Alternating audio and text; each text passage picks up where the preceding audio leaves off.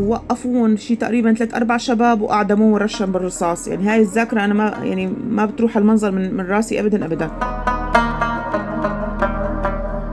يعني الفقير والغني بده يعمل محشي يوم العيد. يعني نحن بنتذكر اني في الصبح الوالدة بدها تحط المحشي على النار والرجال بينزلوا على صلاة العيد وبعد ما يرجعوا من صلاة العيد بده يزوروا بعض شوي وبعدين بده يرجعوا ياكلوا محشي.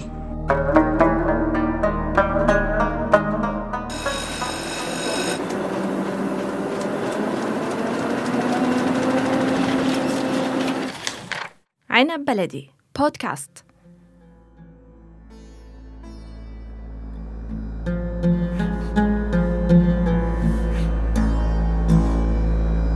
ضيفتنا الدكتورة عبير بكري في هذه الحلقة هي من فتيات منطقة جسر الشغور درست وتخرجت وما زالت تقدم ما تعلمه لأبناء مدينتها. ولديها من الذكريات والمشاهدات التي لا تنسى. منها ما يسعد ومنها ما يؤلم.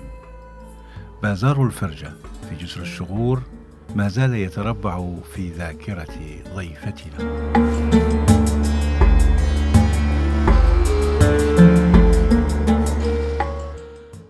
كان عنا آه، بكل سنة بجسر الشغور في شيء اسمه بازار الفرجة هذا البازار هو عبارة عن مهرجان. كان كل سنة بعد عيد الفصح بأسبوع ببلش هذا المهرجان عنا. بيجي باعة من متجو... يعني باعة من من من من الأرياف المحيطة بمدينة جسر الشغور. بساحة البلدية هون ببلشوا يبسطوا آه، بسطات. بيحجزوا كل واحد زاوية بالبسطات بيحجزوا فيها. هذا مثلا اللي بيبسط آه، يعني آه، فينا في أنا بتذكر كان يعني المزارعين الموجودين بالأرياف كانوا بيعتمدوا يعني بيعتمدوا الدخل المادي على هذا اليوم لأن كان مهرجان كتير كبير. كانوا يعني مثلا بيجوا بيتفرجوا عليه من القرى المجاورة حتى بيوصل لمنطقة سلقين بيجوا العالم عليه. ف آه، بضل آه، يوم واحد بس كان مهرجان كتير كبير واحيانا بيمتد لثلاث أيام. فبيمتي يعني مو بس مو بس باع. يعني هلأ كل مثلا باع كان يحجز زاوية إله. يبسط حط بسطه فيها آه الإسكافي اللي ببيع الأحذية اللي بيصلح الأحذية. في كمان سوق نحاس. كانوا بتذكر أهالينا يعني يجيبوا نحاس القديم بهذا اليوم يجمعوه حتى يبيضوه. يعني ببيضوا نحاس يعني هاي البسطة بيجيبوا النحاس ببيضوا فيها نحاس حتى ممكن هني يستبدلوا النحاس القديم بنحاس جديد من عند هذا البياع. يعني استمر لفترة كتير قريبة على فكرة ها وبعض المزار ما بقيت لهلأ يعني. مو بس على فكرة البسطات كان مثلا في كان سيرك للحيوانات كانوا يجيبوا الضبع والضبعة والأحيانا الذئب. كان بخيمة بتذكر كنا يدخلونا نتفرج عليها. بفرنك أو هيك شيء يعني مبلغ مادي مالي يعني ندخل نتفرج. كان في كمان ما بس كان في بعض مثل ما بتقول يعني فعاليات موجودة ضمن هذا المهرجان اللي هو عندنا مثلا مباريات المصارعة ورفع الأثقال. كان عندنا كمان آه، الدوسة. الدوسة هي عبارة عن مبارزة بين الفرسان. الناس آه، بيقعدوا بيستلقوا هيك بيتشطحوا بالشارع. والفارس بقى بده يتخطاهم اللي بيقطع أكبر مسافة من دون ما يدوس على أي الحافر الحصان ما بيجي على أي واحد فيهم. هذا كان بيعتبروه هو الفائز.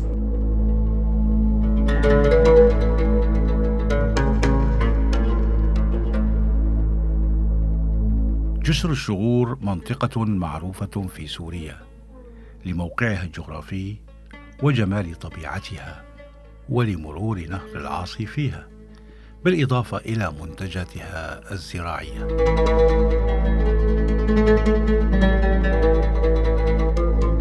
في كمان كان عندنا شغلة كتير مميزة ببازار الفرجي وموجودة لحد الآن. يعني كل سنة بشهر نيسان هي اسمها الزليبة والحلاوة. هي عبارة عن أكل شعبي. عبارة عن طحين معجون بزيت السيرج وبيقلوها بالزيت وبرشوا لها حبة البركة. ممكن تاكلها أنت مع الحلاوة أو مع القطر في اعتقاد عنا يعني الناس كان بتذكر كانت نانتي تقول إن اللي ما بياكل حلاوة وزليبه ببازار الفرجي بصير معه جرب كل السنة. والله يعني هذا الاعتقاد كان السائد يعني. ولحد الآن يعني كل سنة في محل حلويات هذا يعني أنا بتذكر وعيت على الدنيا وبنعرفه هني من بيت الجاني. هدول مشهورين بالحلويات بس بمنطقة الجسر. كانوا هني اللي اسسوا يعني وللآن هن الوحيدين اللي بيشتغلوا الزليبة والحلاوة بشهر نيسان بجسر الشغل إلى الآن. كانت المشبك والعوامة. طبعا ببازار الفرجي بتشوفون حاطين هالصوينة اللي هي مشبك والعوامة الشعيبيات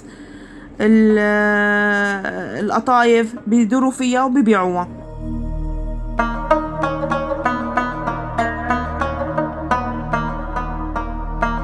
إحنا عنا آه، شي مقدس يوم العيد. يعني الفقير والغني بده يعمل محشي يوم العيد. يعني نحن بنتذكر إني بنفيقوا الصبح الوالدة بدها تحط المحشي على النار وال والرجال بينزلوا على صلاة العيد. وبعد ما يرجعوا من صلاة العيد بده يزوروا بعض شوي وبعدين بده يرجعوا ياكلوا محشي. يعني أنت بدك تطلع من صلاة العيد ريحة الجسر كلها محشي. لا بالأيام العادية الطبخات العادية بس كمان نحن يعني في عندك المحشي في عندك الهريسي. هلا المحشي عنا رز ولحمي بس في من ضمنه بأيام الصيف إذا حكم العيد بالصيف في عندك المحشي البرغل يعني كمان بناكله كتير بالجسر. كوسة البانجان إذا كان شتي وبس بس إذا كان عفوا صيف بالشتي في عندك الورق الدويري العنب ورق العنب.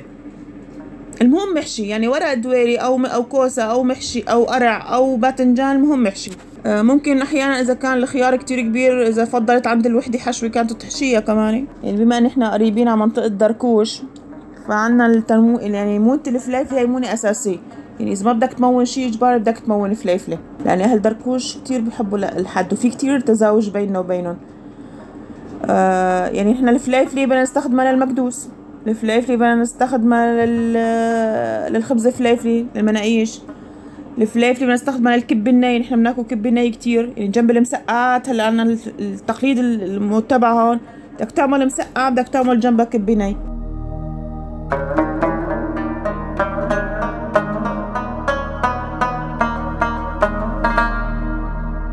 هلأ في عندك آه، سوق في عندنا سوق الخضار هذا لحاله. سوق طويل مسقوف هذا خضار. في سوق اللحمة لحاله.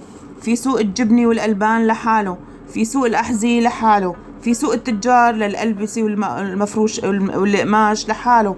مو كلياتهم بسوق واحد بتحسهم كلهم عبارة عن سوق طويل مسقوف جنب بعض. في عنا كمان في عنا مناطق أثرية على فكرة في عنا من أيام العثمانيين اللي هو حي القلعة في عنا الجامع الكبير في السوق القديم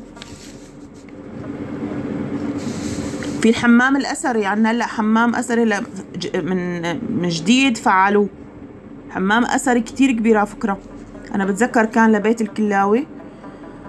فكانوا بتذكر كان يوم للنسوان يحددوه باقي الأيام للأسبوع للرجال. فكانوا بتذكر ياخذون عليه كل وحده تحط البقجي وتخ... ويلا من يتموا من الصبح للمساء النسوان فيه. طبعا خاصة إذا مثلا بده ياخذوا يختاروا عروس أو بده ياخذوا عروس يحمموها قبل العرس. فكانت يعني يدقوا ويرقصوا ويجيبوا هالأكل ويفتحوا السفرة يعني كان فعلا يعني شيء حلو. إيه بس وقت بيكون مثلا عازمين مثلا في عروس بيكون بقى الجو مختلف عن وقت بيكون مثلا ما في.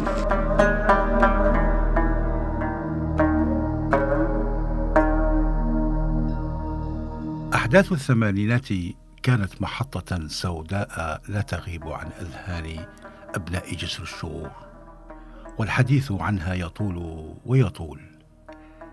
سألنا ضيفتنا عن بعض التفاصيل وما تتذكره من صور لتلك الأيام.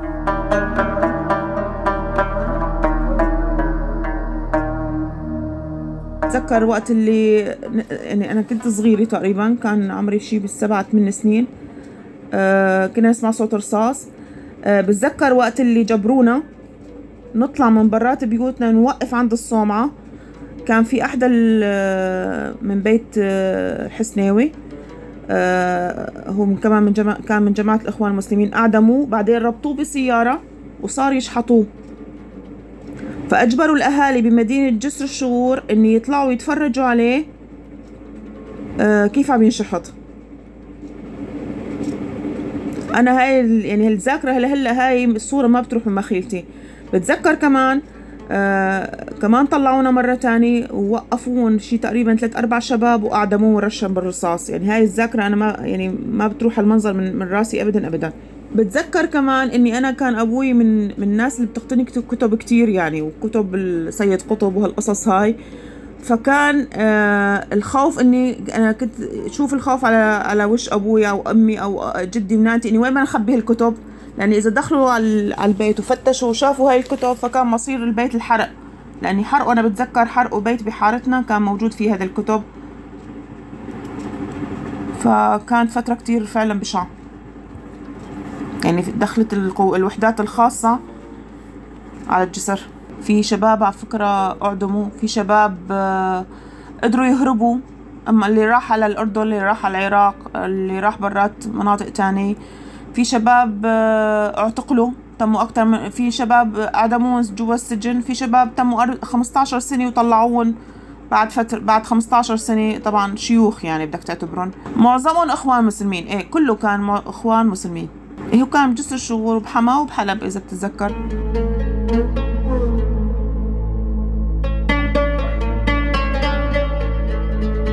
في جسر الشغور أسماء وأماكن ما زالت بالذاكرة منها من قدم خدمة في التعليم والتربية ومنها من اهتم بالأدب والشعر والفنون والرياضة. المدارس كانت في عنا يعني هي المدارس الأساسية كانت موجودة بالجسر. أنا بتذكرها أنا كانت مدرستي أسماء بنت أبي بكر الصديق. في مدرسة رابعة العدوي هدول للابتدائي في مدرسة ثانوية البنات هدول ما زالوا يعني من أيامي أنا وللآن موجودين. مدرسة وليد شعبان لثانوية البنات للشباب. هلأ كانت أنا أنستي في الأنسي مولودة قارح. الله يطول بعمرها ما زالت يعني على قيد الحياة. في في الأنسي لميس الدقوم كمان لا زالت على قيد الحياة. هدول أساتذتي أنا بتذكرهم يعني الموجودين بالمرحلة الابتدائي مدرسة أسماء بن أبي بكر الصديق. هاي كانت مدرستي بالابتدائي. المديرة كانت لميس هدول أنا اللي بتز... هدول اللي كانوا على مرحلة الابتدائي عندي أنا اللي بتذكرهم. لا في أكيد في أنسات كتير بس بقى هدول أنا اللي بتذكرهم يعني. في كان بمدرسة ثانوية البنات بتذكر الأستاذ كمال بكور. في الأنسي نجوى الصوفي.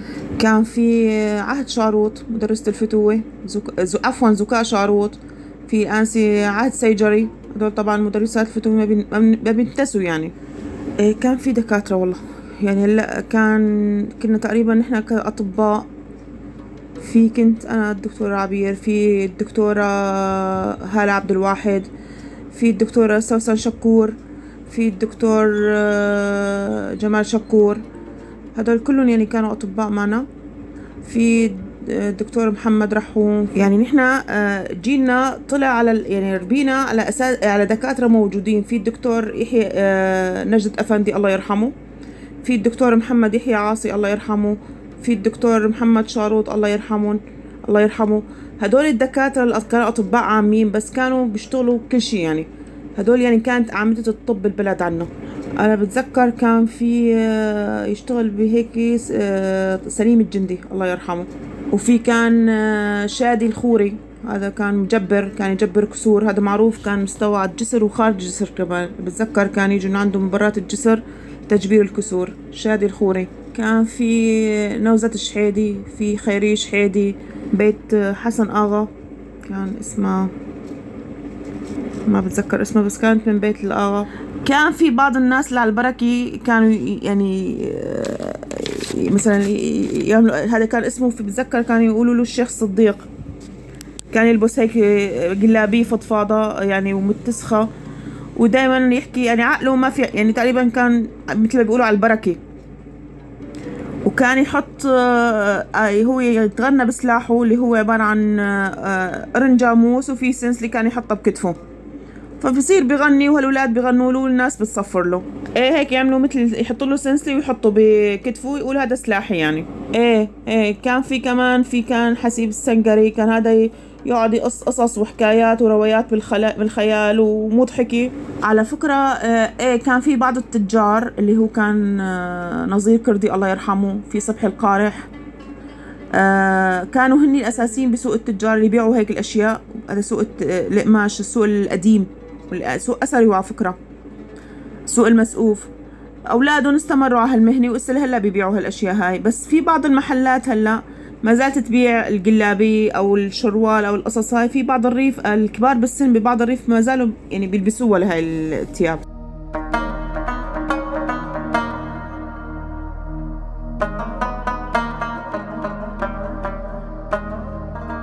كان في بتذكر أنا واحد آه، من بيت هبل. ما عاد بتذكر اسمه بس كان من بيت هبل كان مشهور بالجودو كني في من بيت آه، عبد العال كمان كان رياضي. هدول اللي بتذكرهم والله.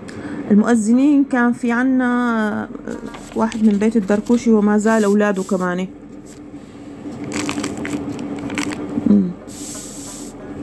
على فكرة آم، مطربين آه، مطربين يمكن كان من من الريف الجسر مو من نفس الجسر من بيت جركس مجان ودي جنب الجسر. كان بتذكر كان يغني بحفلات بالجسر وهالقصص هاي. هلا نحن على فكرة منطقة جسر الشغور كانت غنية بالأدباء. في عنا إبراهيم الأديب إبراهيم عاصي الله يرحمه. كان أديب أغنى المكتب العربي. حتى تم اعتقاله بالأحداث الثمانينات وشيع إني أعدم الله يرحمه. فكان أديب يعني يعني يشار له بالبنان. في آه، في أديب محمد يحيى حج آه، محمد حج يحيى. آه، هدول مو- يعني ما زال على قيد الحياة كمان من من ضمن آه، كتاب رابطة أدباء الشام. فكان كاتب وما زال وما زال يكتب. يحيى حج يحيى عفوا عفوا يحيى حج يحيى. يعني يحيى حج يحيى كان تلميذ لإبراهيم عاصي.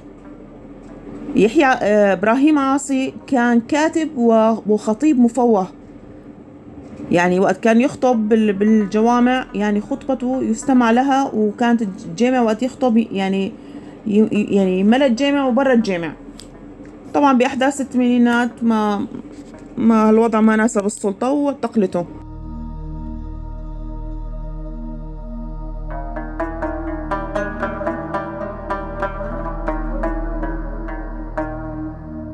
في كتير عائلات من جسر الشغور في إلها جزء يعني في إلها آه، فروع مثل ما بيقولوا بمدينة لاتقية ومدينة إدلب أو مدينة عفوا حلب. في عندك بيت النجاري في عاصي في كلاوي في سيجري. هدول أغلب العائلات في من في منهم موجودين باللاتقية وموجودين بحلب. هلا إحنا عنا عائلات أساسية بالجسر اللي هي عندك عائلة عاصي كلاوي نجاري كردي حجازي بحرو سيجري دندش. ميليش أكبر عائلة عنا بالجسر تقريبا بدك تقول.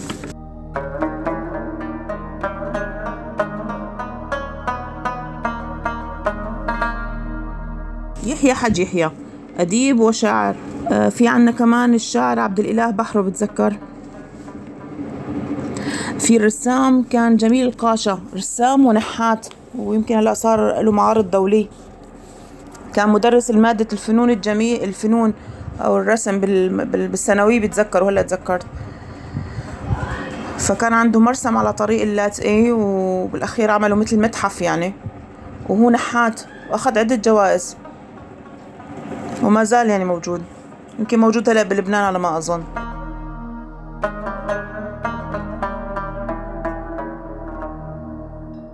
ضيفتنا قدمت لنا معلومة حول تسمية حي الشاغور في مدينة دمشق. ولا ندري مدى صحتها. لكن ذكر تاريخ الحدث الذي أصاب جسر الشغور آنذاك والنزوح إلى دمشق والسكن فيها كان له أثر وسبب في تسمية هذا الحي. على فكرة مدينة جسر الشغور آه، اتدمرت بالزلزال. تقريبا سنة 1822 دمرت بشكل كامل. يعني أبيدت سكانا وب- و... و...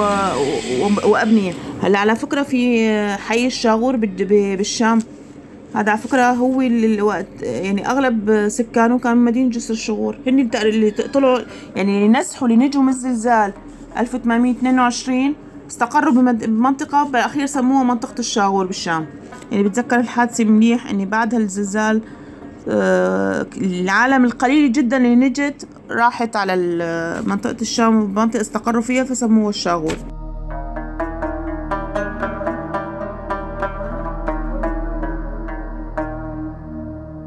إلى اللقاء مع حلقة قادمة من ذاكرة سوريا.